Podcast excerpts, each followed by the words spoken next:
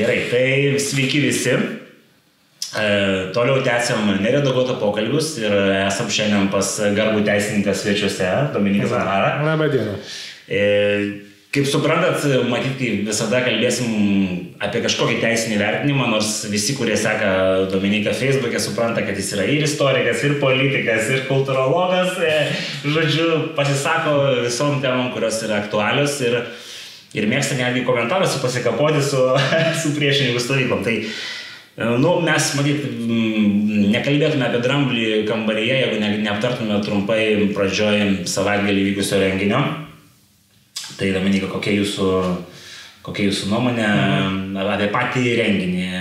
Nes vis, visi influenceriai, tas minė, iš vakaro, iš prieš du vakarus, ten, prieš mėnesį, nu, galima būti ne fano Tomkaus, ten Butkevičiaus, ten kitų marginalinių kanalų žiniasklaidos, bet ta stilistika, kuri ėjo iš mūsų mainstreaminės žiniasklaidos influencerių, nu jinai išlikštoka buvo. Tas mano tokio, sakykime, pakankamai neutraliai žiūrinčio į, į renginį Manimu tai buvo nu, liūdna klausyti, Vat kaip, kaip jums atrodė, kaip, kaip buvo pateikta visuomeniai plačiai žodžiu šitas renginys. Na, mano paties pozicija yra tokia, kad aš irgi tą renginį žiūrėjau neutraliai pakankamai. Idėjos man buvo, aš idėjom pritariu, e, organizatorių nepalaikau, e, pats renginyje nedalyvavau, bet Bet taip, renginys gavosi tikrai pakankamai sėkmingas, turiu pripažinti, kiek žiūrėjau iš žiniasklaidos ar kas buvo papostinės Facebook'e, tai gana gražus renginys buvo, mm, buvo ten galbūt ir įspūdingų kažkokių momentų, tai tikrai organizatoriai galbūt neblogai padirbėjo ypač. Žinot, kas man labiausiai patiko, čia aišku ne, ne esmė, bet tai irgi akcentavo, kad po renginio parke nebuvo šiukšlių. Taip. Kažką sako apie tą auditoriją, kuri buvo susijusi. Taip, taip, taip, taip, taip. Ne, man labiausiai taip užstrigo Andriaus Kubiliaus, europarlamentaro e, komentaras apie tą renginį, kad neapykantos kar maršas baigėsi be įstros, ar įvyko be įstros. Nu tai ko tikėjai, reušių? Dar kažko. Seneliai, vaikai ir šeimos. Seneliai, vaikai, šeimos, na, net policija sakė, kad žmonės kultūringi, gerai nusiteikę, klauso policijos nurodymų, viską vykdo, ten nubaustų praktiškai ne, ko gero ir nebuvo nubaustų, tai reiškia. Jeigu ir buvo, tai ant pirštų skaičiuojami atvejai. Esmė. Na, kad liktai sakė, kad nebuvo. Nes jeigu būtų, tai jau žiniasklaida tikrai būtų išpūtus jau. Ka, ka, buvo berosik vieno, vieno žmogaus nustatyta tapatybė, viskas ant protokolų surašyta nebuvo nei vieno. Na, tai tikrai kultūringas renginys gražus renginys, pakankamai pasisekęs renginys ir kai tas renginys pakankamai pasisekė, aš galvoju, kokia bus jo tasa. Nes, na, akivaizdu, kad ties tuo ir nebus užsibaigta. Na, nu, tai manau, kad tie organizatoriai ir visi prijaučiantis nu, niekada nesakė, kad mes padarysim renginį ir išsiskirstysim. Ne, tik va, sakau, kokia ta tasa. Ar būtų gražu, kad tas renginys taptų gražia kasmetinė tradicija šeimo? Prezidentas siūlo kitais metais rengti. Jo, ypač va ir prezidentas pasirodė, be abejo, visi, kol kai tas renginys pirmas, visi ko gero laikėsi nuo jo atokiai ir bažnyčia taip jau labai jau Ten kai kurie iš hierarchų palaikė, kai kurie iš hierarchų nepalaikė, na, prezidentas ten telesveikinimą kažkokią atsiuntė. Bet kai renginys man pasimatė, kad renginys kultūringas, viskas ten gra, gražiai įvyko, tai ko gero kitais metais gali būti, kad ir tas pas prezidentas jau ir fiziškai atvyktų. Nes nuo kodėl ne? Na, nu, kaip sakė Andrius Tapinas, nors jis buvo neteisus, minėdamas, kad prezidentas pasirodė tarp uh, žodžiu, Orlausko ir, ir, ir, ir, ir e, Alternative Deutschland. Iš tikrųjų, pradžioje kalbėjo, nu, pirmas pasisakantis buvo organizatorius, tas pirminis mhm. Raimondas Vincevičius, jeigu neklystu. Mhm. O po to buvo, žodžiu, prezidentas ir po to visiems baisiai tada jau ten jau trigerino, užkirto tas inteligentiškas dėdukas iš Vokietijos, mhm. kuris yra didysis bobas ten, žodžiu, e, tas vietai, nu, jo. Tarsime, partija, aišku, Vokietijoje yra, jinai radikaloka, bet e, čia žiūrint, e, kaip vertinsi, tas, nu, pati pačia Vokietijos situacija, mm. matyti, yra šiek tiek kitokia negu Lietuvoje ir, ir, ir, ir tų problemų jie turi kitokių, kurių mes dar neturim, tai negali sakyti, kad e, nu, galima mūsų kontekstų vertinti juos. Be abejo, taip ir Prorusiška, prorusiška, ja. aš tai, kad vienam žmonėm pasakau, tai tarp kitko, nu, ne, nesiaišku, nesinori čia minėti, su kokiu asmeniu čia teko diskutuoti pirmadienį ankstyvą rytą iš Tevinės sąjungos, bet jis, žodžiu, kaip įdė, kaip dera Tevinės sąjungos atstovui, aiškiai, kad čia penkta kolona eina, žodžiu. E, ir, ir, ir, ir Rusija, ir, ir tasme tragedija. Tai, nu, Ne, Tevinės sąjungos vertinimai manęs visiškai nestebina. Jie pamiršta, kas nors streamą finansuoja, žodžiu, ir su kuo mm. Merkel dirba, tarsi. Ne, apskritai Tevinės sąjunga turi tą didžiulę problemą, kad kad jie laiko, kas ne su jais, tas ne tik prieš juos, tas ir prieš Lietuvą. Tai iš principo, jeigu nesi su konservatoriais, esi tevinės priešas. Ras tau ir Kremlių, ir dar kažką ras. O tokie vertinimai dėl šio renginio visiškai nestebina, nes būtent tevinės sąjunga yra didžiausias to renginio pralaimėtojas. Ta viena vėliava, kurią Palietskio ten kažkoks e, bendražygis turėjo, jinai buvo ištiražuota per medijos kanalus, tarsi, nu, Ne, šiaip įdomiausias dalykas, kad laimėtojai iš to maršo ar tarp didžiausių laimėtojų yra Laisvės partija, mano nuomonė. Ir jie tą patys puikiai suprato, dėl to taip greit ir lengvai išdavė leidimą tam renginiui vyk, nors Šimonytė vėliau la, labai... Katalizatorius jiem yra puikus. Jo, Laisvės partija yra konflikto partija.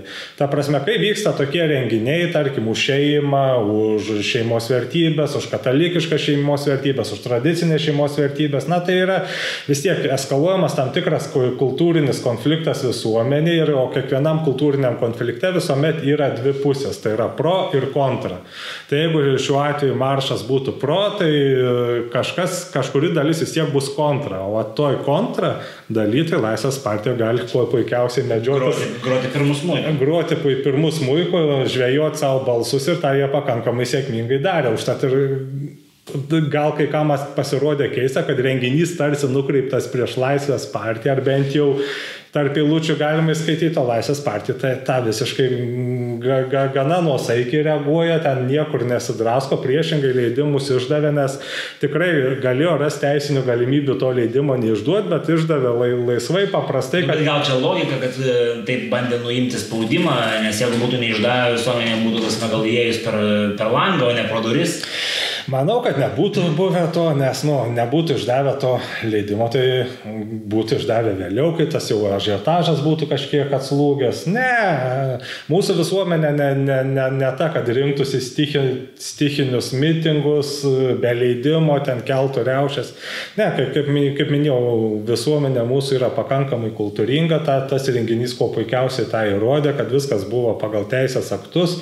E, policijos nurodymų visi klausėsi ir e, dėl to gavos toks, sakykime, pakankamai gražus tas renginys ir pakankamai nusisekęs. Tai Laisvės partija tą žinojo, žinojo ir dar papildom išdavė tris leidimus antimitingus rengti. O 5-25 žmonės. Ja, ja, na, ir vat, kuriamas tas konfliktas, kur vieni žvejoja balsus vienoje pusėje, kiti žvejoja balsus kitoje pusėje. Tai Laisvės partija žvejoja toj kitoje pusėje ir aš manau, kad iš to jie naudos irgi turės. O kas va didžiausia yra pralaimėta, tai būtent Tėvynė sąjunga, nes jūrį elektorato tame renginyje tikrai buvo.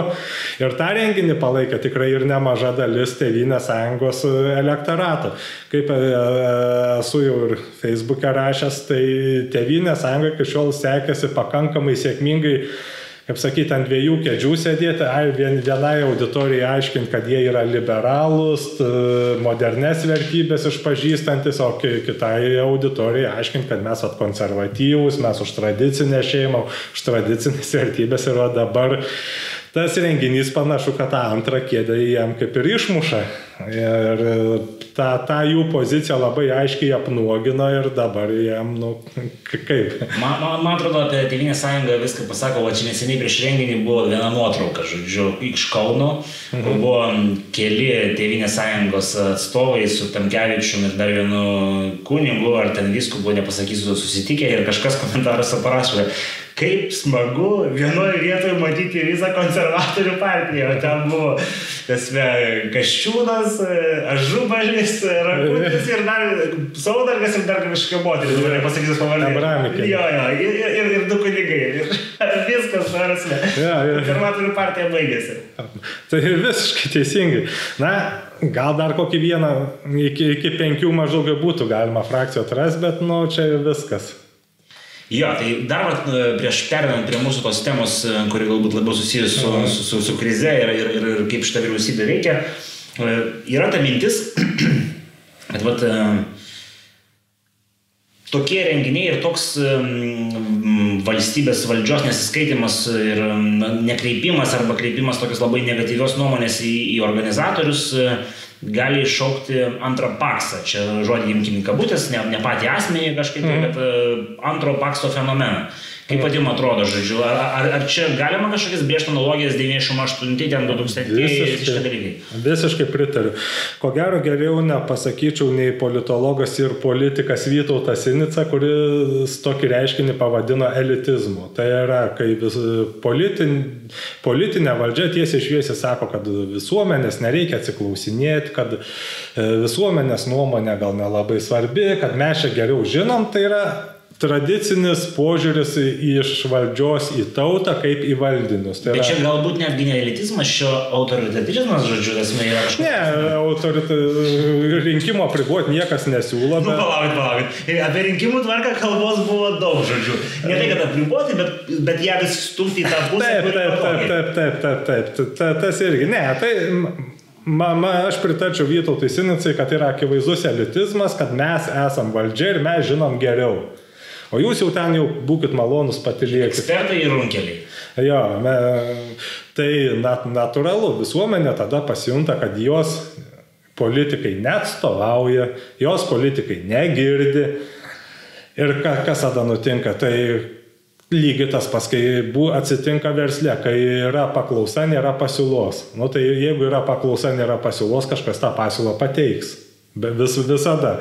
Tai lygiai taip pat ir čia, jeigu atsiranda didelė visuomenės dalis, didelė elektorato dalis, kuri pasijunta politinių partijų dabartinių tų sisteminių, mainstreaminių, neatstovaujama, tai atsiras kažkas, kas pasakys, palaukit, aš jumis atstovausiu, aš jumis girdžiu, Čia, jau... čia yra viena maža problema. Aš visiškai sutinku, jeigu būtų vakumas, tai čia ta problema labai greitai išsispręstų. Bet mes turim e, Ramūną Karbauskį, mes turim e, Viktoraus Paschy, kurie mm. iš esmės e, ir šito renginio metu mūšėsi į krūtinę ir sakė, kad mes jūs atstovaujam.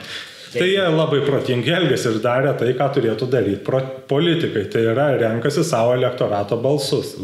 Užtat ir sakau, kad jie elgesi protingai. Jie mato, kad yra elektoratas, tame tarpe potencialus tas LKD elektoratas, jie atėjo pasakė, žiūrėkit, mes jumis girdim, mes norim jumis atstovauti, jumis atstovauti, balsuokit už mumis. Tai dėl to tas vietoj galbūt irgi geriau, kad tas elektoratas nusidreifuos kažkur į mm, daugiau mažiau sisteminės partijas. Na, darbo partiją galim vertinti įvairiai, bet, nu, valstiečių e, žaliųjų sąjunga, nu, vieną kartą valdė, jokių kažkokių didelių nuodėmių nepadarė, teisė man nėra, bent jau kol kas atrodo. Tai... O čia, va, čia aš daug galėčiau nesutikti, bet va, turiu pritart, kad ir iš Skvernelio esu tai girdėjęs interviu metu, ir iš Karvausko, kad sako, nu jeigu jie turėtų prie ko prikipti prie mūsų, tai mes jau būtume teisme. Taip. Tai, bet čia man tas argumentas kažkuria prasme aš galiu jį šimtų procentų. Ne, taip pažiūrėkit, kokie, kokios pajėgos buvo mestos ir tyrimus daryti, ir knygas net rašyti, ir na, apie kokią dar politinę jėgą tiek buvo visko. Knygą skaitė? Skaičiau. Aš du kartus skaičiau. skaičiau, skaičiau. Ne, knyga parašyta tyrimų, jau ko gero didžiausią sektuvą nesusieksiu, nu, bet, nu, nėra, nėra už ką teisti. Jo, tai Tai vad kaip Jūs manot, ar, nes aš irgi prisimenu pokalbį su vienu Tevinės sąjungos politiku, turėjome epizodą, neminėsiu pavardės, bet ten nu, nėra tiek daug, jau kam bus įdomu mhm. pasižiūrėti. Mm. Ir jisai už kadro sako, nu, Ko mes sako, tai nebijom valstiečių, mes nebijom, tasme, jis mane nuolat sakė, kad vat, jūs tai tikrai nelaimėsit, po to aš perklausiau, kas tai jūs, tai sakė, kad čia nacionalinis suvienimas, sakau, aš nepriklausau nacionaliniam, bet jis ten sakė, jūs, kraštinė dešinė. E, bet ko jie labiausiai sakė, bijo, jie bijo, kad ateis naujas paksas. Jie bijo naujo pakso ir jie jo kol kas nemato, bet tas juos e, baugina, nes e, potencija visgi yra, dar liko trys metai. Tas, mhm. Kaip jums atrodo, vat, Ar, ar tokios figūros, kiek reikia laiko, paspekuliuotum, kad kažkaip sukonstruoti figūrą, kuri galėtų tasme patraukti, patraukti mhm. rinkėją. Pažiūrėkime, 16 metų rinkimus, kas mane, kad valstiečiai gali juos laimėti dar 16 metų, tarkim, pradžioje. Niekas nemanė. Jie ten buvo, taip, taip jų reitingai jau buvo šiek tiek pakilę, jie jau buvo Europos parlamente, iškovoję vieną vietą, tai tokių indikacijų, kad jie gali suformuoti parlamentinę frakciją jau buvo. Taip. Bet kas tada nutiko? Tada nutiko toks dalykas, kad... Graužinėlė nutiko. Ne, ne, ne graužį. Visų pirma, nutiko Masiulis. Nu. Masiulis. Po to nutiko toks dalykas, tik aš dabar ne, ne chronologijos jau nebeatseku, kas anksčiau, kas vėliau, kad e, vienas alkoholikas prisigėręs iki baltų arklių nužudė savo vaikus, juos sumesdamas į šulinį. Tada buvo didžiulė nelaimė, tragedija, visuomenė įelektrinta. Ir kas tada nutiko? Valstiečiai pasakė, tai palaukit, mes visada savo programuose nurodėm, kad alkoholizmas kelia didžiulę žalą, mes alkoholizmu visada sakėm, kad norim kovoti, bet niekas mūsų neklausė. Nes kol tokia tragedija nenutiko, niekas jų ir negirdėjo. O vad kai nutiko, tai tada jau valstiečiai pradėjo būti ir matomi, ir girdimi. Be abejo, tą antialkoholizmo kortą iškart pasigavo ir Tevinė sąjunga, irgi ten į savo programą susirašė, kad mes irgi kovosim su viskuo. Ir be, beje, tie antialkoholiniai ribojimai buvo priimti ne tik valstiečių balsais, jiem labai ženkliai ir Tevinė sąjunga pritarė, bet, na, nu, žinot, kai vis tiek, na, nuoširdžiau pas valstiečius tas atrodė. Taip, taip. Ne, nes jie ir veryga jau tuo metu turėjo, tai žinoma, tą tokį nevyriausybinį kovotoją už e, blaivybę, kuris ten ir e, eilę metų ir e, visokiose darbo grupėse dalyvaudavo, ten pranešimus skaitydavo ir jo visa ta praktika jau buvo su antialkoholizmu susiję. Na tai natūralu kažkaip nu, nuoširdžiau tas pradėjo atrodyti ir visuomenė tą pradėjo girdėti. Nu, rezultatus 16 metų mm, matom. Žino, matėm, žinom ir, sakau, užteko kelių mėnesių kad tas labai staigiai išseskaluotų. Tai realiai bijot Tevinės sąjungos e, establishmentas turi ko, nes gali. Be abejo, kad turi, be abejo, kad turi ko ir ypač, kai jie patys taip elgės, nu, mano nuomonė, ne visai protingai. Nu, politikas negali taip elgtis, pasakyti, kad mums neįdomu jūsų nuomonė, ten, jeigu nueini pakritikuoti kokį nors Tevinės sąjungos politiką, tai pasako, tu ne mūsų rinkėjas. Arba skaičiuoti nemokė. Arba skaičiuoti nemokė. Nu, ne, ne, nežinau, nu, su, su rinkėjais taip ne, nebendraujama, mano nuomonė. Tai, Tai taip, jie be abejo turi, juos gelbė tai, kad jie turi tą senąjį hardcore'inį tokį elektoratą, kuris, na, fanatiškai tiki tėvynę sąjungą ir visada ateina už juos balsuoti, bet, nu, žinot, sutrupinti galima net ir gelžbetonį. Bet ką aš esu girdėjęs tokią įdomią nuomonę iš politologo Kaune, neseniai turėjome, žodžiu, epizodą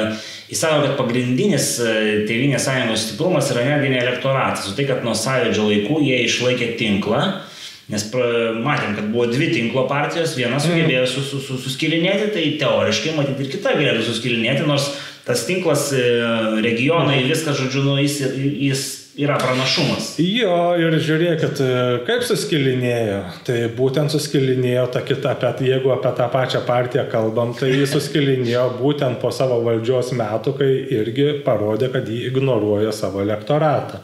Tai tas liberalusis darbo kodeksas, kur, kur nu... Nieko bendro neturėjo su... Nu taip, tą, tą, tą, tą liberalų darbo kodeksą galim vertinti visokiojopai. Aš kaip teisininkas jį galbūt vertinčiau netgi teigiamai, nes nu, jis įsprendė tam tikrų problemų įnešė šiek tiek galbūt aiškumo. Nu, bet, bet čia ne kairiųjų tas darbas. Bet čia tikrai ne kairiųjų darbas, ja, ta prasme, kai partija, kuri šiaip jau turėtų už darbininkus eiti, už darbininkų klasę, eina ir padaro, kad e, priima darbo kodeksą, kuris palankesnis darbdaviam. Nu, galim juos lyginti kaip nori, bet senesnis tikrai darbuotojams buvo palankesnis nei dabartinis. Tai, Tai ir va, po to gavos taip, kad ta partija tiesiog buvo nušluota. Nors irgi atrodė ten jau taip įsibetonavę yra establishmentą ir, ir didžiausius skyrius ir daugiausiai narių turintis ir daugiausiai merų ir ta, ta prasme ir visą tą e, per visą tarnystę, tarnybą politinėje ar administracinėje veikloje, kad jeigu tu partijos narys, tai tu gali gal geresnės pareigas gauti. Ir tas buvo tinklas kurtas labai daug metų ir va taip paėmė rinkėjai ir nusprendė, kad ne, mums jau užtenka, mums to nebereikia. Ir iki šiol jie vis dar bando kažkaip to savo kelio ieškoti, bet kol kas tai panašu, kad tik lygis keliais vaikšto. Na, ja, čia šitoje vietoje, aišku, norėčiau papasakoti vieną istoriją, kurią teko girdėti už kadro, mm. bet negaliu jos papasakoti, kaip skilo socialdarbiečių frakcija nuo socialdemokratų, bet čia gal kada nors ateitis su žmogum, kuris pasakoja, padarysime epizodą. E, dar vienas dalykas, prie, prie pabaigai šito topiko. Pakso metu, Pakso apkaltos, pamatėm, kad realiai tas tinklas ir kad čia krikščionis, kad čia konservatoriai, kad čia socialdemokratai nelabai ką turi bendro, visi buvo susivienyje prieš bendrą blogį, kaip jie tada mhm. vadino. Tai gal iš tikrųjų, nu, yra teisūs tie, sako, kad nelabai pas mus yra ta ideologija, bet mums yra biurokratinės partijos, tos, nu, kurios vat, nu, turi resursą su, su, su biurokratija mhm. ir ten apyk, apy, a, a, kažkokia apykaita vyksta, sakykime taip, ir jeigu vieni ten reguliariai kas kažkiek metų ateina, nu, tai jie išsaugo mhm. savo tą ryšį. Ar čia nėra kažkokia problemėlė pas mus politikoje, kad mes e, turim, o taip, suaugusias struktūras? Ne, tai be abejo, kad tos struktūros yra suaugusios ir taip. Gal... Jis ir valstiečiai yra sakę, kad jiems labai sunku kažką keisti, nes, nu, nu kadrai, ta prasme, yra... Taip, taip, taip, taip. Arba turi jau tada keisti kadrus, ką O iš kur jų paimti taip greitą kiekį? Visų pirma, iš kur paimti, o visų antra teisinė problema, kaip atleisti senus, nes na, pas mum mes turim valstybės tarnybos įstatymą, kuris yra sukonstruotas tokiu būdu ir galbūt gerai, kad jis yra tokiu būdu sukonstruotas, kad na, valstybės tarnauti atleisti yra dar ko gero sunkiau nei darbuotojai pagal darbo kodeksą, nes logika galbūt yra tokia, kad na, pasikeitus politiniai valdžiai, kad uh, tarnautojai vien dėl e, tos valdžios pasikeitimo nebūtų pradėti atleidinėti iš darbo vien dėl to, kad naujai valdžiai nepatinka. Kad jie dirbo su prieš tai buvusiu. Jo, kad prieš tai dirbo su prieš tai buvusiu, tai ta teisinė problema yra ir tu to nepakeisi. Ar teisinė problema, ar galbūt kaip tik teisinis gėris. Mano nuomonė. Čia kai kas sako, kad jeigu ministras atsiveda kabinetą, kuris yra stiprus ir gali filtruoti, žodžiu, tos atlaikyti tą biurokratų spaudimą, tada jisai sugeba su jais dirbti. Aha. Bet jeigu jis atsiveda tokį, kuris e, e, nesugeba, tai, tai biurokratai suvalgo patį ministrą. Taip. Taip, nes žiūrėkit, ministro komanda kiek gali būti. Na, imkim standartinį ministrą. Nu, tai bus ministras, 2-3 viceministrai, tada koks nors atstovas spaudai, dar koks nors patarėjas, nu iš viso kokie septyni žmonės. Čia yra viso ministro komanda. E, tuo tarpu ministerija gali dirbti šimtai ir ministerijos pavaldžios institucijose gal net tūkstančiai. Na, nu, tai vienių departamentų dažniausiai bus kokie 10, ten matyti, ar 15, ja. žodžiu, tai, nu.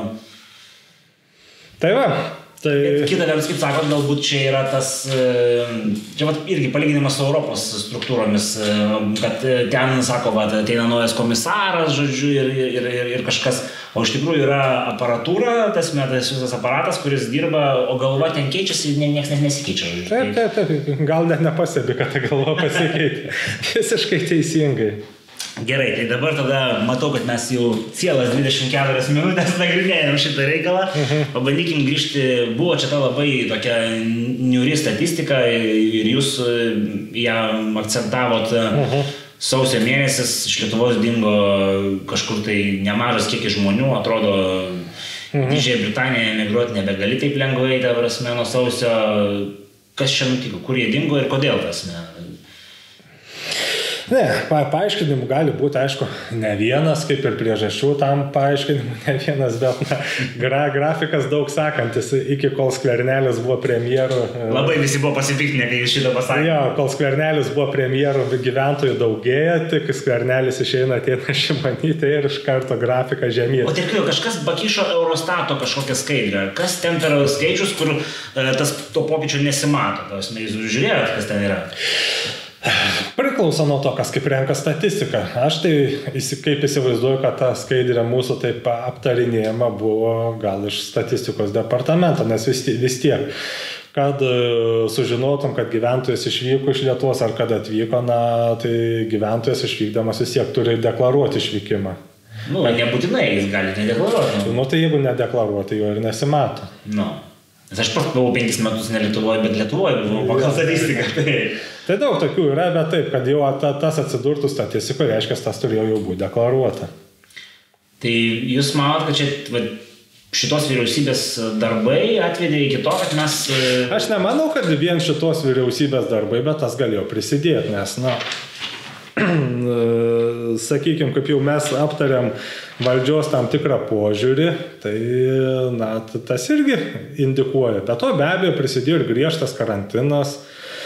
Nors griežtas karantinas buvo ir praeitą pavasarį, bet tada gyventojų padaugėjo. Nu, Tada, tada grįžo tos, to tie, kuriuos ten, žodžiu, užsienį sakė, kad jau veikia. Jo, uždarė. Ir e, aš bent jau žinau, kad pavyzdžiui, Britanijoje, kas gyvena ir dirba, tai ten darbuotojai grįžinėja va dabar. Ne, ne gruodį, ne sausį, o tik dabar.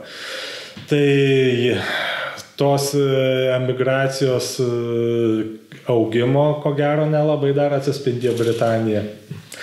Čia ko gero kitos priežastys ir mano nuomonė galėtų būti taip. Karantinas, nauja valdžia, naujos valdžios taikomi karantino valdymo priemonės, kai neduodama jokių kompensacijų, gal verslai uždaromi, bet kompensacijų labai mažai. Praktiškai su tuo, kas buvo pavasarį, pavasarį tai taip buvo duota visiems daug kompensacijų, taip griežtas karantinas, bet buvo duota ir pinigų, ir ten pasirūpinta, verslam ir nuomos kompensacijos ėjo. Dabar praktiškai... Čia klausant jūsų, tai atrodo, kaip buvo aukso amžius. Tai gal ne visai aukso amžius, bet... Ne, tai be abejo, kad nebuvo aukso. Pagalbinė kažkokia buvo, dabar jos nebėra. Jo, dabar paga- pagalbos nebėra, na tai kai žmonės įsivaizduokit, ištisi sektoriai uždaryti, na tai ir e, kūrybininkai, ir, e, ir pavyzdžiui, smulkus turgus priekeiviai, kurie ten arba su individualiom, arba su tais verslo liudijimais dirba, tai jiem visiems duodama po 256 eurai per mėnesį, kaip gyventi. Nu tai tada jau ieškai, kaip išgyventi. Nu, ir atsispindi statistikoje. Galbūt ir tas ir atsispindi Tai statistikoje. va čia paklausiu tokio, vat, kaip jums atrodo socialinės atskirties, e, tasme, vat, šitoj kategorijai. Matom mes kažkokį pasikeitimą naujos vyriausybės, senos vyriausybės, žodžiu, darbuose. Ar, Ar socialinės atskirties, tai socialinė atskirtis, man atrodo, per karantiną galbūt tiek praeitą, tiek per šį ženkliai padidėjo, nes yra darbuotojų ir yra verslų, kurie to visiškai nepajuto, priešingai pas juos atėjo daugiau pinigų, pramonė, kaip matom, tiesiog aukso amžių išgyvena, tai kas dirba pramonė, kas ten verslus turi, kas ten dirba, pažiūrėjau, sveikatos sektorius ten irgi Ir kokią jūs pramonę čia turite mintyje? Tai pagal statistiką pramonė, tiesiog, tiesiog kaip pramonė atsispindi, pramonės sektoriai, nu tai visa gamyba ko gero. Statyba, komponentai, viskas. Bet vat, tai čia dabar prisimenu, paminėjau statybą, kaip vat, jūs paaiškintumėt, kad, em, kadangi pats šiek tiek suprantu, domitės on the side vienas iš tų dalykų, e, perka nekilnojamą turtą žmonės iš, iš grinųjų. Tasme, kaip tie per krizę, per krizės metus susikristalizavo tie grinieji, ta prasme. Ne tik per krizę. Tie, tiesiog dabar žmonės pamato ir pradeda jaus, kad ateina infliacija. Čia kitas momentas, kad jau, pavyzdžiui, praeitą mėnesį JAV paskelbė, kad pas juos infliacija jau yra metinė, balandžio mėnesį buvo 4,2 pro 4. Ir ten jūs užsipolė komentaruose, kad jau ko čia, tuo čia bus atspė- prispausdinta, spausdinta Nu, viskas. tai ta, ta prasme, žmonės jaučia, kad ateina infliacija, jie galbūt dar statistikoje taip stipriai neatsispindi, bet jau e, tam tikrų sektorių jau visi pradeda kelti kainas. Na ir žmonės, tarkim, turėjo galbūt susitaupę tuos grinuosius pinigus.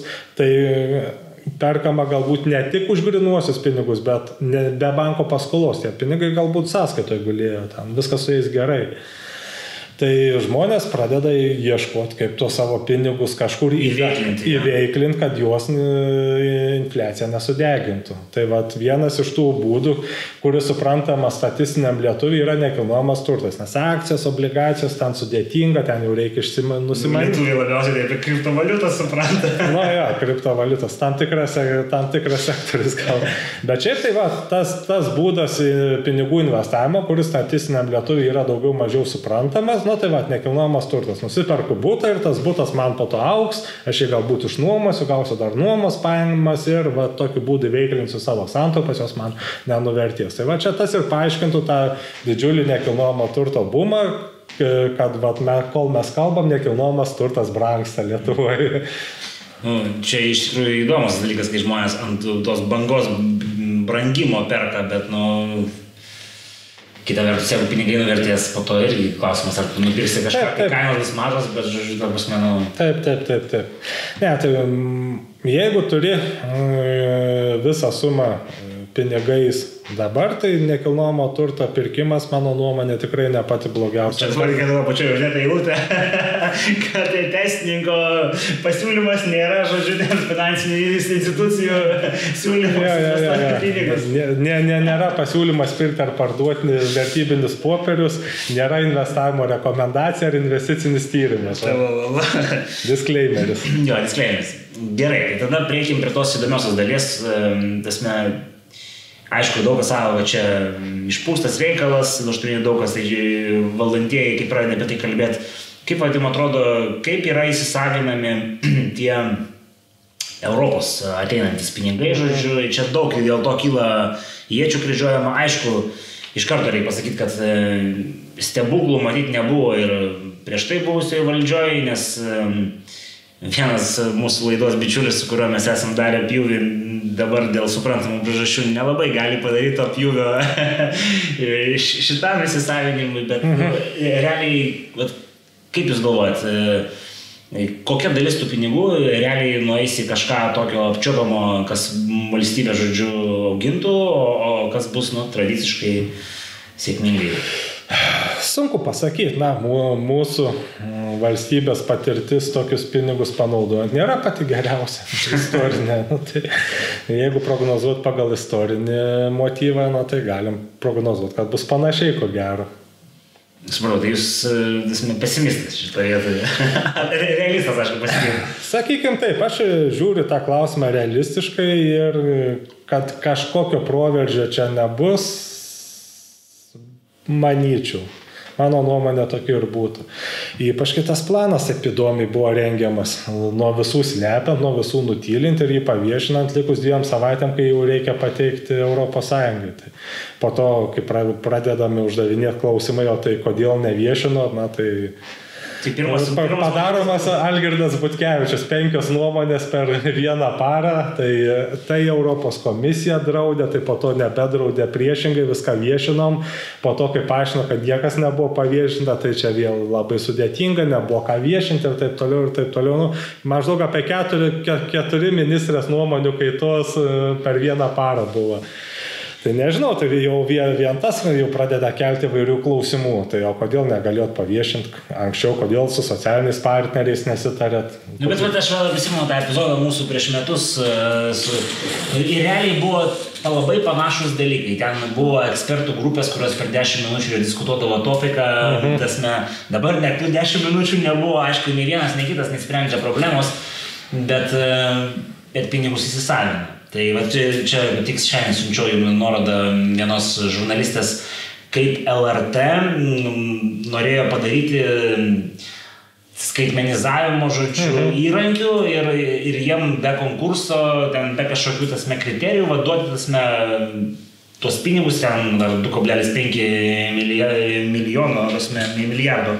Milijoną, milijoną. Milijonų, jo, tasme, skaitmenizacija, tasme, tai, nu, kaip atvertinti tokius dalykus? Ar čia, aišku, ten susiekimo ministerija, Laisvės partijos ministras, nu, Aš ko gero nege, nepasakyčiau geriau nei tą pasakė pati žurnalistų bendruomenė ir e, žurnalistų sąjunga, nu, kad tai yra blogai.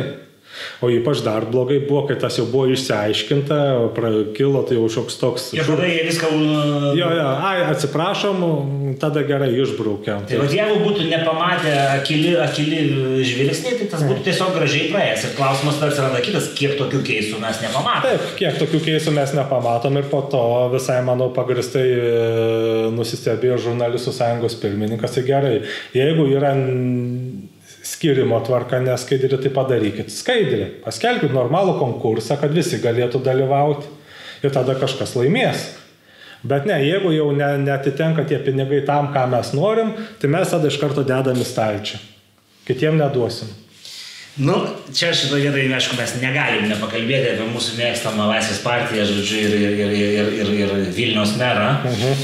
Ir um, ten pajudėjo daug įdomių projektų pastaruoju metu. Taip. Vienas iš jų, pavyzdžiui, viešųjų pirkimų tar- tarnyba buvo pristabdžius stadiono ta prasme, planą, nes ten 156 milijonai, žodžiu, nacionalinio stadiono, jiem, iš kurių, kas suprantu, vyriausybė įsipareigoja ten vieną trečdalį, o du trečdalį savivaldybė. Nu, pasirodė kažkas neokiai. Ir, ir buvo, žodžiu, atsimtas skundas ir, tasme, užsidegė vėl žalia šviesa. Kas ten nutiko? Ne, skundo ten nebuvo atsimta, jie pa, viešųjų pirkimų tarnyba pralaimėjo apeliacinį, Procesą. apeliacinės instancijos teismą. Į Man atrodo, kasacinį jau nebeina. jo, į kasaciją, man atrodo, buvo pralaimėję ir pirmą instanciją, ir į kasaciją nusprendė nebeiti. Na, galbūt įvertino teismo argumentus, pamatė, kad jie galbūt logiški ir nusprendė to proceso kasacinė instancija nebeinicijuot. Bet apskritai man tas nacionalinio stadiono klausimas yra pakankamai keistas. Nežiūrėkit, kaip jis toks atsirado. Šiaip, šiaip beje, reikėtų pažiūrėti pa, paminėti, kad čia yra ne nacionalinis stadionas, čia yra uh, multifunkcinis projektas. Jo, nacionalinis prasidėjo 88-ais, Jo. 88-ais. Jo, o kaip tas multifunkcinis projektas atsirado? Todėl, kad kažkas buvo sumasęs, kad gal visai neblogai būtų iš dalies tą nacionalinį stadioną pafinansuoti ES struktūrinių fondų lėšomis. Tačiau ES ne, nefinansuoja sporto infrastruktūros projektų.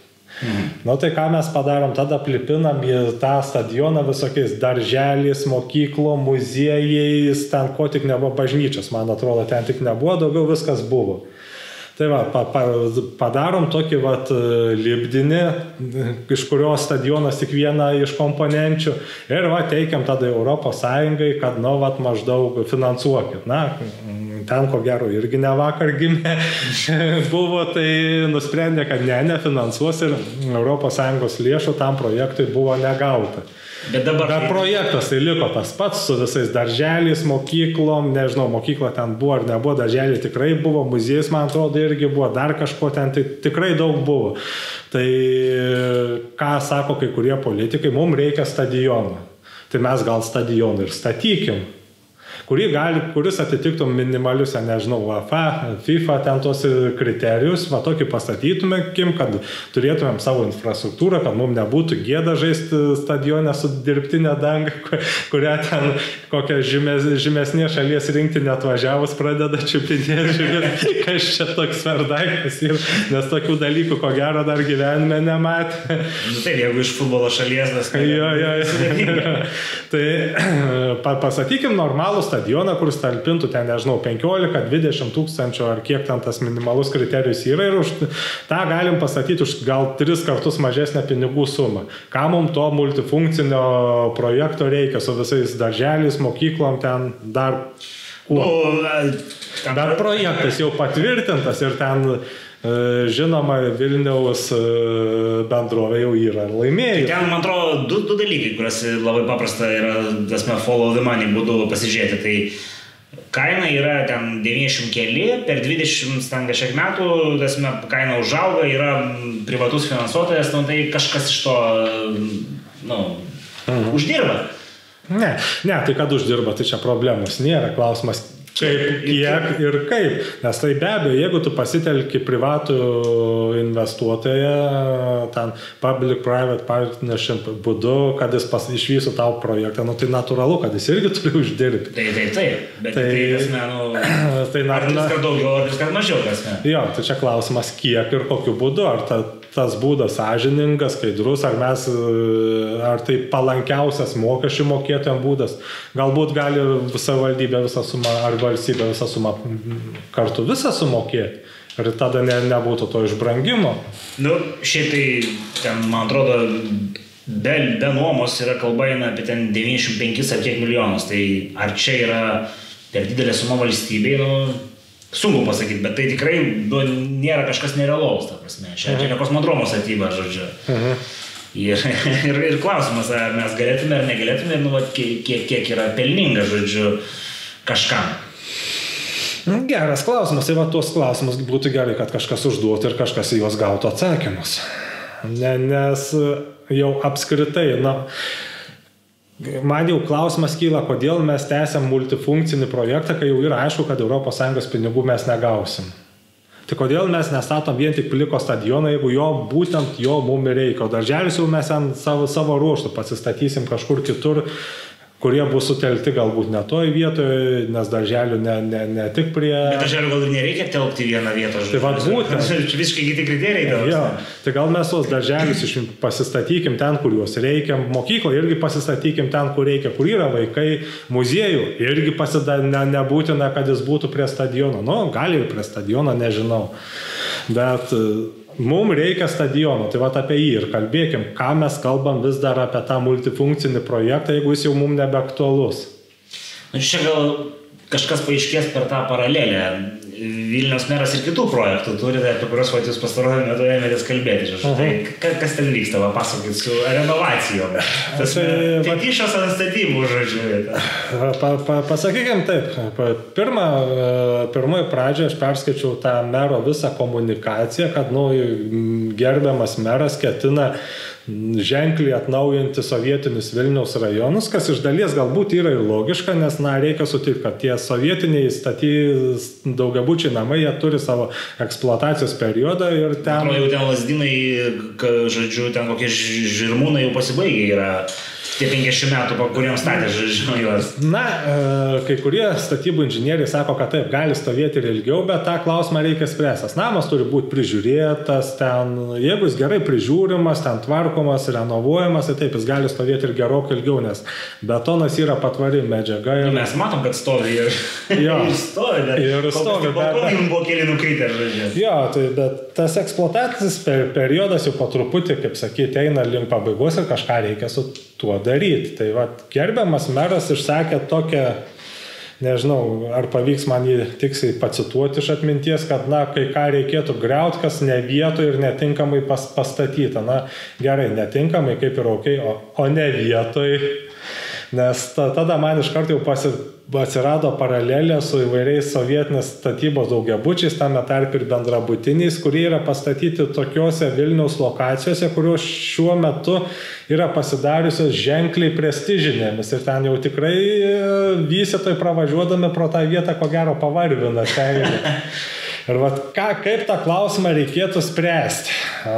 Nes pas mumis yra konstitucijos reglamentavimas, beros konstitucijos 23 straipsnis, kuris yra ypač griežtas ir jis iš esmės numato, kad nuosavybė yra neliečiama.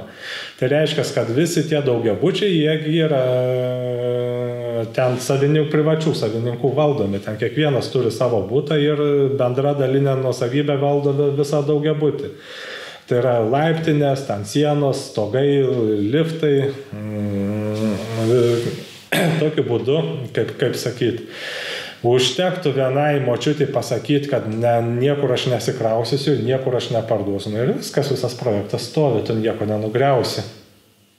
Vienai, vienai mučiutė užtektų. Vienai, vienam savininkui užtektų pasakyti, kad aš savo būto neparduodu ir iš esmės visas projektas stovi. Tada kita alternatyva - paimti tą daugia būti visuomenės poreikiam. Bet kad paimti visuomenės poreikiam, tai reiškia, turi būti įstatyminis pagrindas, turi egzistuoti visuomenės poreikis ir trečia, tas visuomenės poreikis turi būti svarbesnis už privataus savininko nusavybės teisę. Na, pavyzdžiui, reikia valstybė nuties kelią, tai va, yra visuomenės poreikis į kelią ir tas kelias eina per kokią nors savininką. Tai nežinom, kai kurie sugeba išlaikyti jo, savo namus. Žodžiu. Išlaikyti, bet, nu, šiaip tai va, to, tokiu būdu jau galima prievartą paimti ir teisingai atlyginant. Pabrėžiu žodį teisingai atlyginant, tai yra sumokant rinkos kainą.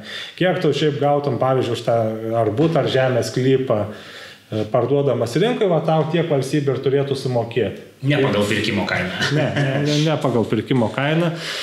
Bet ar tai, kad kai kurie sovietiniai daugiabučiai atrodo nelabai estetiškai, kad jie galbūt nelabai kokybiškai prižiūrimi, suponuoja tokį visuomenės poreikį? Ne, nesuponuoja. Tai tada reikėtų jau iš esmės laukti, kad daugiabutis pataptų avarinės būklės, kad jį toliau eksploatuojant jau gali vykti kažkokių nelaimių ir va tada jau galima formuoti. Bet jeigu bendryje savo namą prižiūri, tai čia kaip ir nelabai realu. Nelabai, nelabai realu, teisingai.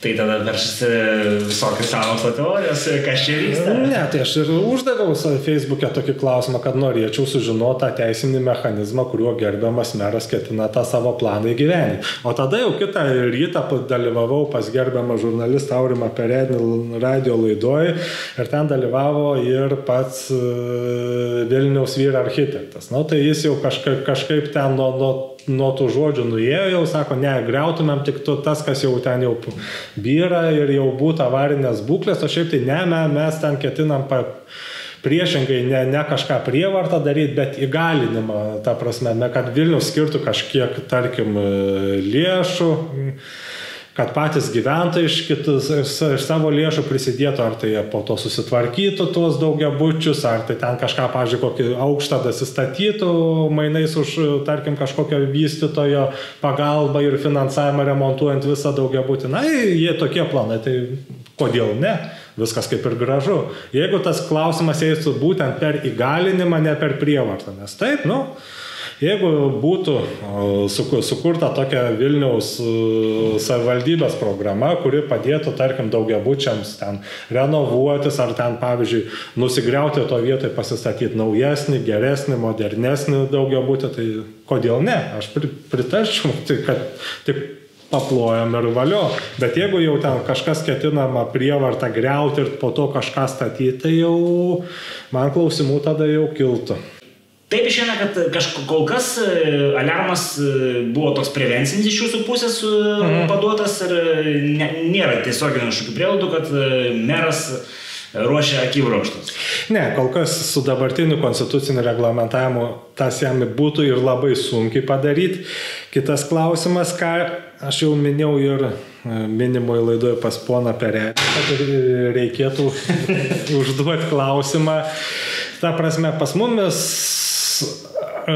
tas konstitucinis griežtas, itin griežtas nusavybės apsaugos reglamentavimas buvo suprantamas, kai mes kūrėm 92 metais visą rinkos ekonomiką, kuri buvo grindžiama nebe valstybinio privačia e, nuosavybė, tačiau kas buvo iki šiol, kas buvo ir ko gero iki šiol nėra visiškai iki galo suvokta tame tarp ir pačių piliečių, tai kad nuosavybė nėra tik tai, kas tau suteikia teisės, bet nuosavybė gali būti ir tai, kas tave įpareigoja. Ir e, pavyzdžiui, toks įpareigojimas, kad, na, gyventojams, kad žiūrėkit, jūs savo turtą prižiūrėkit Tai manau irgi būtų visai logiškas. Nes, na, ką ir gerbiamas architektas, vyriausias architektas Vilniaus pasakė, kad, na, pavyzdžiui, naujos, naujos statybos namuose, kur, tarkim, gyventojai įsigyja už savo pinigus, už, už banko skolintus pinigus, tai ten iš karto susikūrė labai aktyvios bendruomenės, kurios ten viską aiškinasi, viską tvarko, viską ten pabandytum kažką, sako, šalia jų padaryti, jau iš karto gauni ir skundų, viską. O vas sovietinės statybos daugiabučiuose ten gyventojai taip nepriklausomybės pradžioje tuos būtus už čekius prisivatizavo jie kaip ir jų ir jie supranta, kad būtų jų, bet kad, va, pažiūrėjau, visa aplinka irgi jie turėtų rūpintis, kad pačiu daugiabučiu namu, tai jau jiem to kažkaip jau nesupratimo kartais ir trūksa, kad, va, įėjau pro būto duris, o čia jau mano, išėjau pro būto duris, patekau laipnę, jaučiau, tegul valstybė rūpinas jau nebe mano. Ir tikrai E, kas yra susidūrę, galėtų po gero ne vieną istoriją papasakot, kad na, būna pakankamai sudėtinga net laiptinės remontui rinkliavą padaryti, nes daug kas sako, kam 50 metų namas stovėjo gerai, viskas buvo, kam čia dabar tų laiptinės remontų reikia, dar šimtą metų atstovys ir be to laiptinės remontų. Nu, kad negražiai atrodo, nu, tai jeigu tau negražiai pats remontuokas, man čia viskas gražiai atrodo. Jo, čia, čia kažkur girdėti dalykai. Tai gerai, palikim tą savivaldybę, žodžiu, Vilniaus e, šonę, pagaiškim dar pačiai pabaigai prie, prie mūsų nacionalinės e, valdžios. Tai vad, e, ką dar tokio galėtumėt pridurti, vat, taip retrospektyviai žiūrint nuo, nuo, nuo lapkričio mhm. mėnesio kaip atrodo tas bendras vektorius, nes buvo daug tų kalbų, ta prasme, tiesą sakant, Laisvės partija, matyt, yra vienintelė iš, iš partnerių, kuri bando savo rinkiminę programą kažkaip tai nu, realizuoti, ten jau kitas klausimas, ką ir kaip, bet um, Ar mes kažką girdim tokio, nu, ką tėvinės, nu, taip, rinkimų sistema, vat tėvinės sąjunga bandė tvarkyti. Ko nežadėjo, man atrodo. o, o, o, o šitagi kiti dalykai, kaip jums atrodo, veiklos, apart karantino ir, ir tai, kad buvo ateinama su laisvės vardu, o tapom, žodžiu, militarizuota zona, čia šaržu. Jo, la, laisvės vardu ateinam, po to bus telkianti politika, o neskaldanti, nu, kur ten tas telkimas nesimato kažkaip. Ne, nebent labai su mikroskopu tektų žiūrėti. Nu, o šiaip daugiau, ką galėčiau pažiūrėti, pa, pasakyti, tai ko gero pagrindinė ministro e, asmenybė, tai pona Dulki. Tai e, šiaip kaip šiek tiek daugiau politiką besidomintis žmogus, na, to, tokį savo matymą galėčiau atskleisti. Kaip, matyt, kad, kaip pamatyti, kad ministras nesusitvarko? Man čia dabar bus, bus jau metodas. jo. Gali pamatyti tada, kai kažkurios funkcijos iš to ministro yra perkeliamos kitam ministrui. Tas nutiko prie skvernelio vyriausybės, kai registrų centras buvo paimtas iš Teisingumo ministerijos ir perduotas tuo metu atrodė labai stipriam susisiekimo ministrui, susisiekimo ministerija. Kitas metodas. Ministras buvo labai stiprus, negali ginčytis. jo. Nu, tai su teisingumo ministru, ten aš dabar neatsimenu, kas tuo metu buvo, ar e, dar Vainiutė buvo, ar jau buvo atėjęs, jau net pavardę užmiršau, Jetskevičius. Ar... Žodžiu, aš, aš irgi profesionalų nelabai gerai prisimenu. Tai... jo. E, Kitas momentas, kai dalį ministro funkcijų perima vyriausybė arba pats premjeras. Na ir ką mes dabar matom, gerbėmieji, tai kad gerbiama Šimonytė nuolatos važinėja po skiepijimosi centrus po Lietuvą. O kur ministras?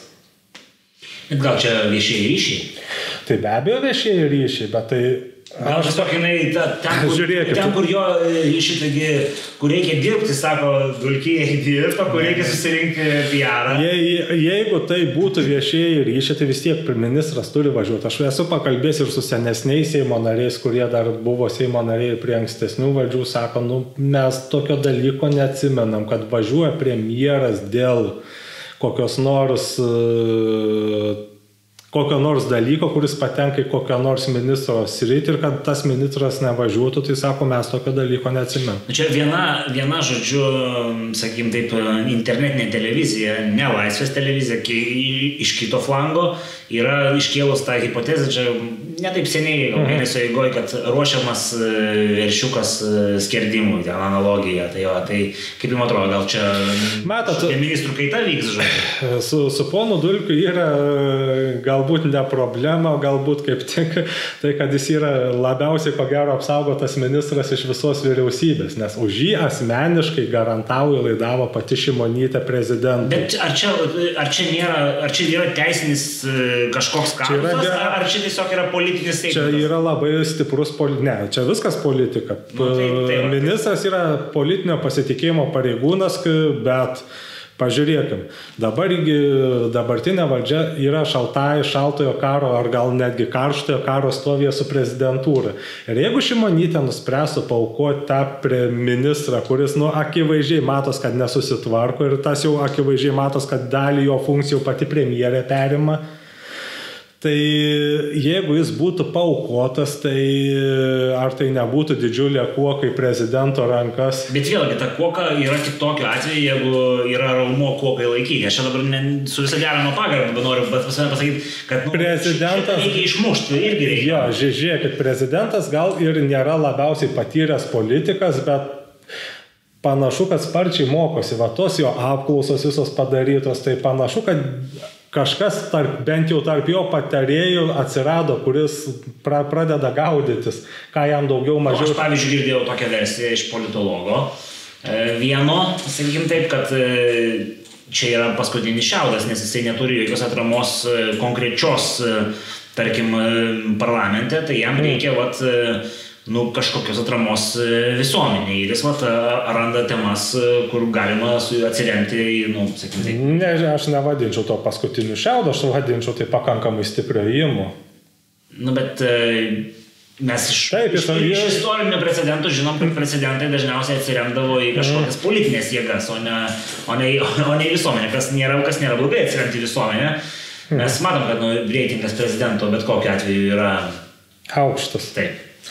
Ne, tai be abejo, ir nausėda va, atsiriamė į visuomenį ir tai yra vienas koziris, po to gautų kuo ką lūpti šimonytė, jeigu jį nuspręsų paukoti dulkio, jau ta, ta prasme, galim laikyti prezidentą nepatyrusi politikų, bet iki šitokio lygio jis tikrai susiprotėtų, kad va čia jau yra jam stipri lasdai rankas ir kuris galėtų pradėti, aiškiai pradėti komunikuoti, kad aš iš pat pradžių sakiau, kad blogai bus, bet Šimonytė labai užsispyrė, garantavo, laidavo. Bet čia dabar visiškai spekuliatyviai paklausiu, žodžiu, jūs manot, kad prezidentas ryštusi vyriausybės vertimui ir... Ne, ir, ir ne, ne, ne, vyriausybės vertimui jis nesiryštų, bet išnaudot galio žaidimuose, viešiuosiuose ryšiuose. Tai. Jau paskambinti sakytų daugiau apie Europos viršūnių tarybą, girdėti nebenoriu. ja, ja, ja, tai vad būtent tas ir gaunas to, to, tokioje situacijoje ir manau, kad prezidentas tą tikrai išnaudotų ir išnaudotų pakankamai siek, sėkmingai, ypač kai matant, kad vyriausybės pačios reitingai žemėja ir žemėja pakankamai ženkliai. Tai tokiu būdu jau pati vyriausybė gali būti pradedama stumti kampą ir žiūrėkit, dar kažkas nutiks. Na va, Šiaulių ligoninės tragedija, kur, na, man... Bet ar tai, bet ar tai, va, čia iš tikrųjų labai įdomus dalykas, aš ne, ne, nežiūrėjau iki galo, ar ta ligoninė yra... Pavaldume Samo. Samą, supratau. Aš pažiūrėjau, Taip. Samą pamatau. Tada vadinasi tikrai jau. Va, čia, čia gerbėmiam žiūrovam atkreipiam dėmesį, Ja. kad... Ne, ne savivaldybės ligoninė. Jo, kad gydymo įstaigos skirstamos į du lygi- lygius. Yra pava- pavaldžios samų ir pavaldžios konkrečiai savivaldybei. Tai jeigu konkreti ligoninė ar poliklinika pavaldi savivaldybei, ten ministras praktiškai valdžios neturi. Bet čia yra konkrečiai e, dulkio pavaldume esanti institucija. Ir dabar tiek medikai, tiek kiti politikai, tiek netgi, man atrodo, ir iš tos pačios laisvės partijos, kad palaukit, taigi reikia atlikti tyrimą, kad atlikti tyrimą reikia nušalinti pirmą ligoninės vadovą, po to, kad e, paskirti laikinai einantį kažkurį kitą, kuris jau nušalintų jau žemiau ten esančius skyrių viršininkus, ar ten, ne, ne, net nežinau, skyrių vedėjai, kaip jie ten vadinasi. Kad būtų nešališkai atliktas tyrimas, nes e, tyrimo atlikti tiem žmonėm einant daro pareigas, nu, tai, Nu, tai neįmanoma, savaime. neįmanoma. Tai tas jau turėjo būti praeitą pirmadienį padaryta. Ministro Dulkis sakymu. Šiandien tas dar nėra padaryta ir ministras Dulkis iškomunikavo, kad ir nebus. Kad jis ne- nesiuošia nieko nušalinti. Nu, tai, o ten tikrai pradėjo labai negražus dalykai lysi. Jeigu jie bent iš dalies pasitvirtintų, nu, tai mano nuomonė, tai jau čia jau su tokia juoda knygutė draugauja, kuri vadinasi baudžiamuoju kodeksu. Čia teisininkas jau sako. Ne, tai, tai sakau, jeigu bent dalis tų kaltinimų, kurie metami pasitvirtins, tai yra jau baudžiamojo kodekso reglamentavimo sritis. Ir čia matau, galima daryti kažkokias po to ir prielaidas, kad ir kitas ligoninės reikėtų patikrinti, žodžiu, jeigu, jeigu prezidentas yra. Taip, taip, taip, o čia niekas nedaroma. Tai reiškia, paliekama laiko susitvarkyti dokumentam, paliekama laiko įkalbėti liu, potencialius liudininkus, kad jūs tylėkit, nes arba jums bus blogai, arba o jeigu tylėsi, tai alga bus gera, priedai bus išmokėti, dar kažkas, nu aš nežinau, bet Čia, čia galimai. galimai, bet to turi būti nedaleista. Tas jau praeitą pirmadienį turėjo būti padaryta. Žodžiu, užkardimo nebuvo. Jokio nebuvo, toliau vi- vis business as usual. Nu gerai, tai va, pačiai pabaigai Laisvės partija. Ir čia buvo klausimas iš žiūrovo, žodžiu, kaip va, atrodo, ar... ar, ar Man atrodo labai gerai. Labai jums. Šviesi ateitis jos laukia, nes ti- tikrai aš ne, neslėpsiu, esu nustebintas, kaip stipriai jie varo. Tai, Bet tai, klausimas buvo ne visai to, klausimas buvo, ar jie neišsidraskys viduje. matot, kad įsidraskytų viduje, reikia, kad būtų kažkam draskytis. Ten tokių stiprių asmenybių yra tik viena. Bet jis dabar gavęs komiteto pirmininko pareigas ir ko gero jam ta, bent kol kas jam to užtenka, o daugiau, nu tai ten jaunimėlis. O vad kas už taip sugeba sutvarkyti tą jaunimėlį, kad ta partija atrodytų wow, kad ji ne, netgi sugeba savo didįjį koalicijos partnerį Tevinę sąjungą statyti vietą ir šo, vers šok pagal... Bet va šitas klausimas, kurį iškeliat, kas sugeba, gal nu, jie jau galėtų nuo to įsižeis, gal jie patys sugeba save pastatyti. Jo, tai aš esu Facebook'e pasidalinęs gerbiamas frakcijos seniūnės atsakymus į Beros Alanka žurnalistės klausimus apie būtent tą hate speech'ą, kur penki klausimai, nulis atsakymų. O nežinau, gal, gal ir sugeba. Bet, bet aš kol kas to sugebančio nematau. Nu, galbūt e, lyderė partijos ir sugeba. Jie gerai sugeba komunikuoti. Gerai. Jo, bet ką, ką, ką min yra gabi, tai tikrai sugeba gerai komunikuoti. Bet kas yra strategai, kas yra viešųjų ryšių specialistai, kas yra komunikatoriai, kas yra visuomenės nuomonių žinovai, sociologai, čia ta, ta prasme, kad padaryti gerą, visų pirma, gerą politinę kampaniją, visų antra, gerą partijų tokį ypač sklandų par, partinį veikimą, čia jau reikia, ta prasme, rimtų. Čia reikia resurso. Reikia resursų, reikia rimtų žmonių. Žmonių Lietuvoje ekspertų, čia gerąją žodžio prasme ekspertų yra, Taip, kurie dirba su... Bet jie kainuoja labai nepigiai ne ir tą, kas finansuoja.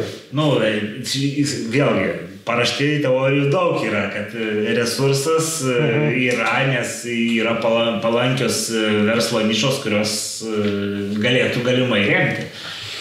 Tai va, palikim tą klausimą, kol kas neatsakyta, bet tai, ką aš matau, mane iš tikrųjų stebina. Na, tikrai ypač stipriai varo, ko gero, šiuo metu tai yra stipriausia valdančiosios koalicijos partija. Nu, bet apklausose matėm, e, aišku, galima sakyti, čia galbūt ne tos apklausos, bet panašu, kad kristelėjo jų reitingas e, dėl to, kad visuomenė tampė už užsva čia visais tais klausimais.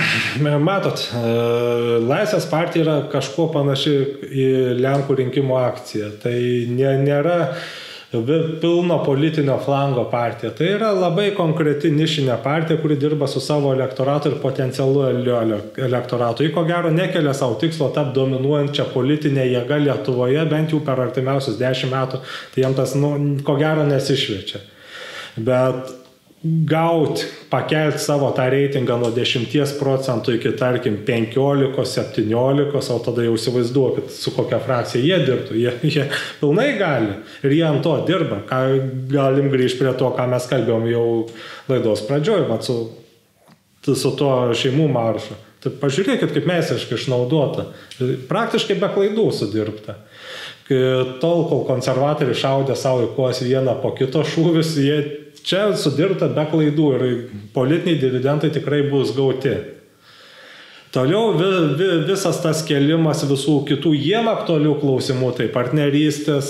E, neapykantos kalbas, tam. Ne, neapykantos kalba, po to ir po ponios Dobrovolskos kai, kurio, kai kurios iniciatyvos apie tautinės mažumas.